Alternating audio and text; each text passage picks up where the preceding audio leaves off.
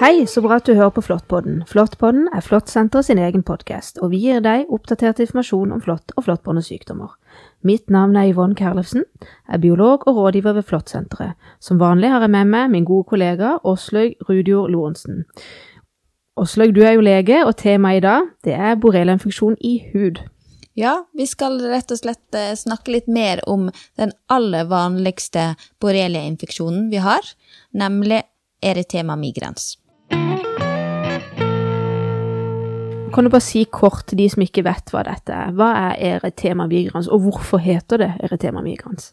Altså, vi, vi, bruker jo eh, dette latinske uttrykket da, erythema migrans, og det betyr egentlig rødme eller hudutslett som migrerer migrans. Hudutslettet eh, er jo da en lokal borreliainfeksjon i huden, og den starter da sentralt rundt flåttbittet, og så migrerer den utover. Ok, så et eritema migrans vil alltid vokse utover eh, flåttbittet? Ja, og derfor har vi denne her tommefingerregelen med et, en femkroning. Eh, at, eh, for det et, et vanlig flåttbitt kan jo også gi litt lokal irritasjon. Altså noen reagerer på selve bittet. Men eh, går det ikke tilbake, og det begynner heller å bli et utslett som da migrerer og blir større enn en femkroning, så må man tenke borreliainfeksjon i hud. Ja, så et erytema migrans, eller en borreliainfeksjon, den vokser gradvis, mens mange de kan jo etter et flåttbitt få et sånt rødlig lite område, og det vil eh, forsvinne relativt fort og ikke vokse på samme måte. Mm. Men det er ikke alltid like lett å skille disse to tilstandene, kan kalle det da. Nei, og så er det jo også det, altså den klassiske eh, hudutslettet er jo sånn som vi beskriver det. Litt som en, eh, nesten som en eh, skyteskive, ikke sant, med en liten prikk i midten, og så migrerer det ut et Og da er det spesielt kanten som blir rød, da.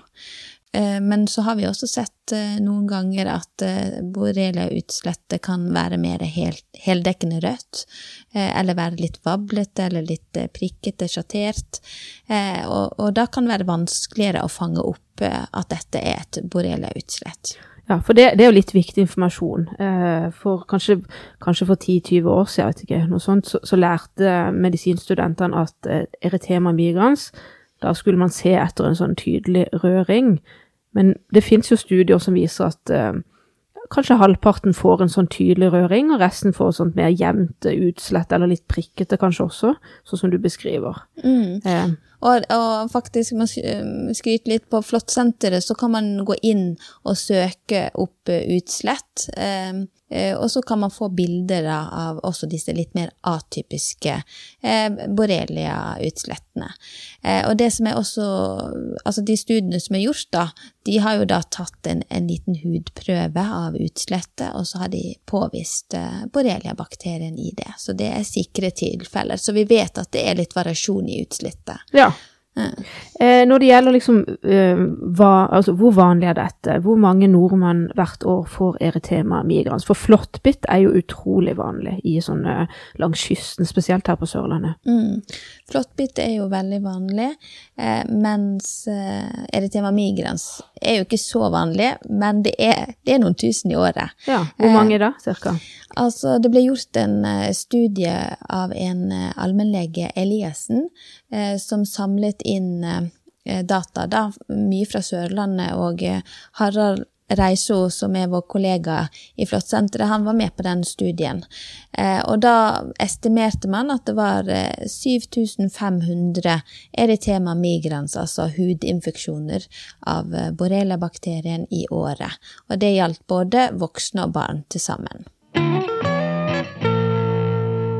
Men det som jeg har skjønt kan være litt vanskelig, det er at um, Iallfall for mange å forstå, da, det er at hvis man får et sånt uh, utslett, og man mistenker at det er borreliose, så er det vanligvis ikke nødvendig å ta blodprøve. Kan du bare forklare hvorfor det er mm. sånn?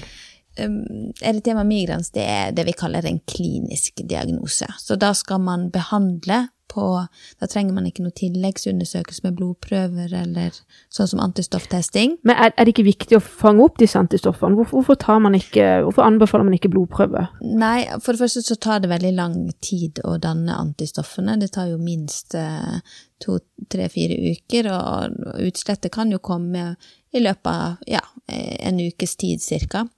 Eh, og starter man behandling, så er det også en god del som ikke eh, rekker å starte å produsere antistoffer. Altså, ikke, selv om man har hatt et, et sikkert eritema migrans i hud, så er det ikke alle som, som har eh, borrelia-antistoffer i blodet etter en sånn gjennomgått infeksjon. Sånn at selv om man ikke har borrelia-antistoffer i blodet, eh, så, ikke, så, skal man likevel behandle hvis man har et utslett som kan være et eh, erytema migrans. Ja, det var greit å få en oppklaring, for dette er jo veldig, si, kan være veldig vanskelig for mange å forstå akkurat det her. Um, når det gjelder behandling, kan dette behandles? Det kan det, heldigvis. Og da er standardbehandlingen eh, penicillin. Vi bruker dosene ett gram ganger fire i 14 dager.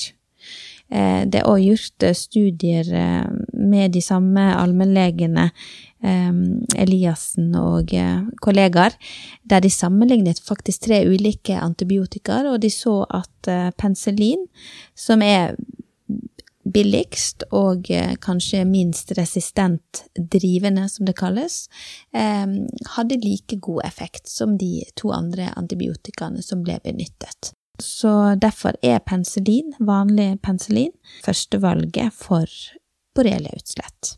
Ja, og det er jo betryggende for, for folk å vite. Mm. Eh, kan jo legge til her da, at hvis man skulle få det vi kaller for systemisk borreliose, som vi snakker om i andre episoder, da gir man mer bredspektra antibiotika. Men for erytema migrans, som er en lokal hudinfeksjon Ja, da er det vanlig penicillin. Og så er det også det å være litt klar over at uh, selv om man starter opp med antibiotika, så er det ikke nødvendigvis sånn at utslettet forsvinner i løpet av et par dager. Jeg pleier å si sånn at har du først hatt utslettet to-tre uker, kanskje opp i fire uker, ikke sant, noen har ikke vært oppmerksomme nok på å kikke etter det, så tar det ofte nesten like lang tid, og kanskje litt lenger, før det går helt vekk. Men det skal være en tydelig bedring under antibiotikabehandlingen. Ja, så tema migrans det vil jo eh, vokse til en viss størrelse, sånn som du har sagt tidligere, også, Men hvordan er det i forhold til lokalisjon? Altså hvor på, på kroppen er det typisk å få sånne tema migrans utslett? Altså, det kan jo egentlig komme hvor som helst, for flott, øh, et flåttbitt kan du jo få hvor som helst på huden. Spesielt på den huden som blir eksponert. Og for oss voksne så vil jo det spesielt være på beina. Spesielt uh, hudområder som har tynnere hud, f.eks. i knehase, i lyske, uh, er vanlig å få et uh, utslett. Og utslettet kommer jo da rundt flåttbittet. Så kan jeg også nevne at, at noen de kan faktisk, uten at de har lagt merke til det, så kan de ha gått rundt med et sånt utslett veldig lenge. Altså da snakker vi om flere uker og måneder. Og da kan noen få en sånn tynn, slags stor ring, som noen gang kan dekke f.eks. halve ryggen eller mm. halve kroppen. Det kan, ikke så vanlig, men det kan skje. Ja, det, det er et poeng, og spesielt da bak på ryggen, som man eh, vanskelig kan sjekke sjøl, så kan jo disse utslettene bli nokså store. Og så må man jo huske at eh, for barn så er det ofte litt annerledes. Det, det skal vi komme inn på en, en annen episode, da, men eh, barn som er lavere og mindre, vil jo oftere få det på overkropp, og, eh, f.eks. under armene, i nakke, hals, bak ørene, og kan også få det i hodebunnen. Eh, og så vet jeg også at eh, navle og på en måte den tynne huden i navlen eh, kan være eh, typisk sted å få en flått. Og da har vi faktisk eh, et bilde på flottsenteret.no av noen som har fått et sånt eritema migrans rundt navlen, rett og slett. Ja, men nå tenker jeg at vi kan oppsummere dagens episode. Så hvis man får et røllig utslett som vokser, og man vet at man har vært i områder med flått, så bør man tenke på borreliose som mulig årsak. Spesielt hvis det øker på i størrelsen. Litt uavhengig om det er en ring eller ikke. Selv om ring er liksom det, det klassiske, så går det an å få mer sånne atypiske utslett, sånn som du beskrev i stad. Eh, og behandling, så er det jo vanlig penicillin er effektivt. Da gir man vanligvis to uker, og man har gjort studier på dette, og det er ikke eh, bevisgrunnlag for, for, at man må ha noe mer eller sterkere enn en vanlig penicillin. Mm. Og det med at det er en klinisk diagnose, det er viktig. Altså at man sta starter opp med behandling eh, på den klinikken man ser på huden. Det å gi behandling til eritema migrens er jo for å kunne eh, forebygge at ikke dette utvikler seg til mer eh, systemsykdom, f.eks. Eh, nevroborreliose eller leddborreliose. Ja, men hvis det behandles, og når det behandles, så er prognosen god. Det er den. Lite spørsmål til. Det er kanskje folk lurer på, hvis man er maks uheldig og får et borrelioseutslett, når kan det oppstå? Eh, det vanligste er at det oppstår innen en uke, men man har sett opp til, til en måned. Ja, så man bør følge med kanskje litt på et flåttbitt i inntil mm. fire uker etter at man har fjerna flåtten. Mm. Det var det for denne gang. Tusen takk til deg, Åslaug, som kunne svare på masse spørsmål om utslett. Eh, vi kan jo anbefale oss alle å gå inn på nettsida vår, for da har vi masse bilder av utslett. Og mange blir overraska når de går inn og kikker der. I neste episode av Flåttpodden så fortsetter vi med borrelia, og da skal vi faktisk snakke om våre kjære firbeinte.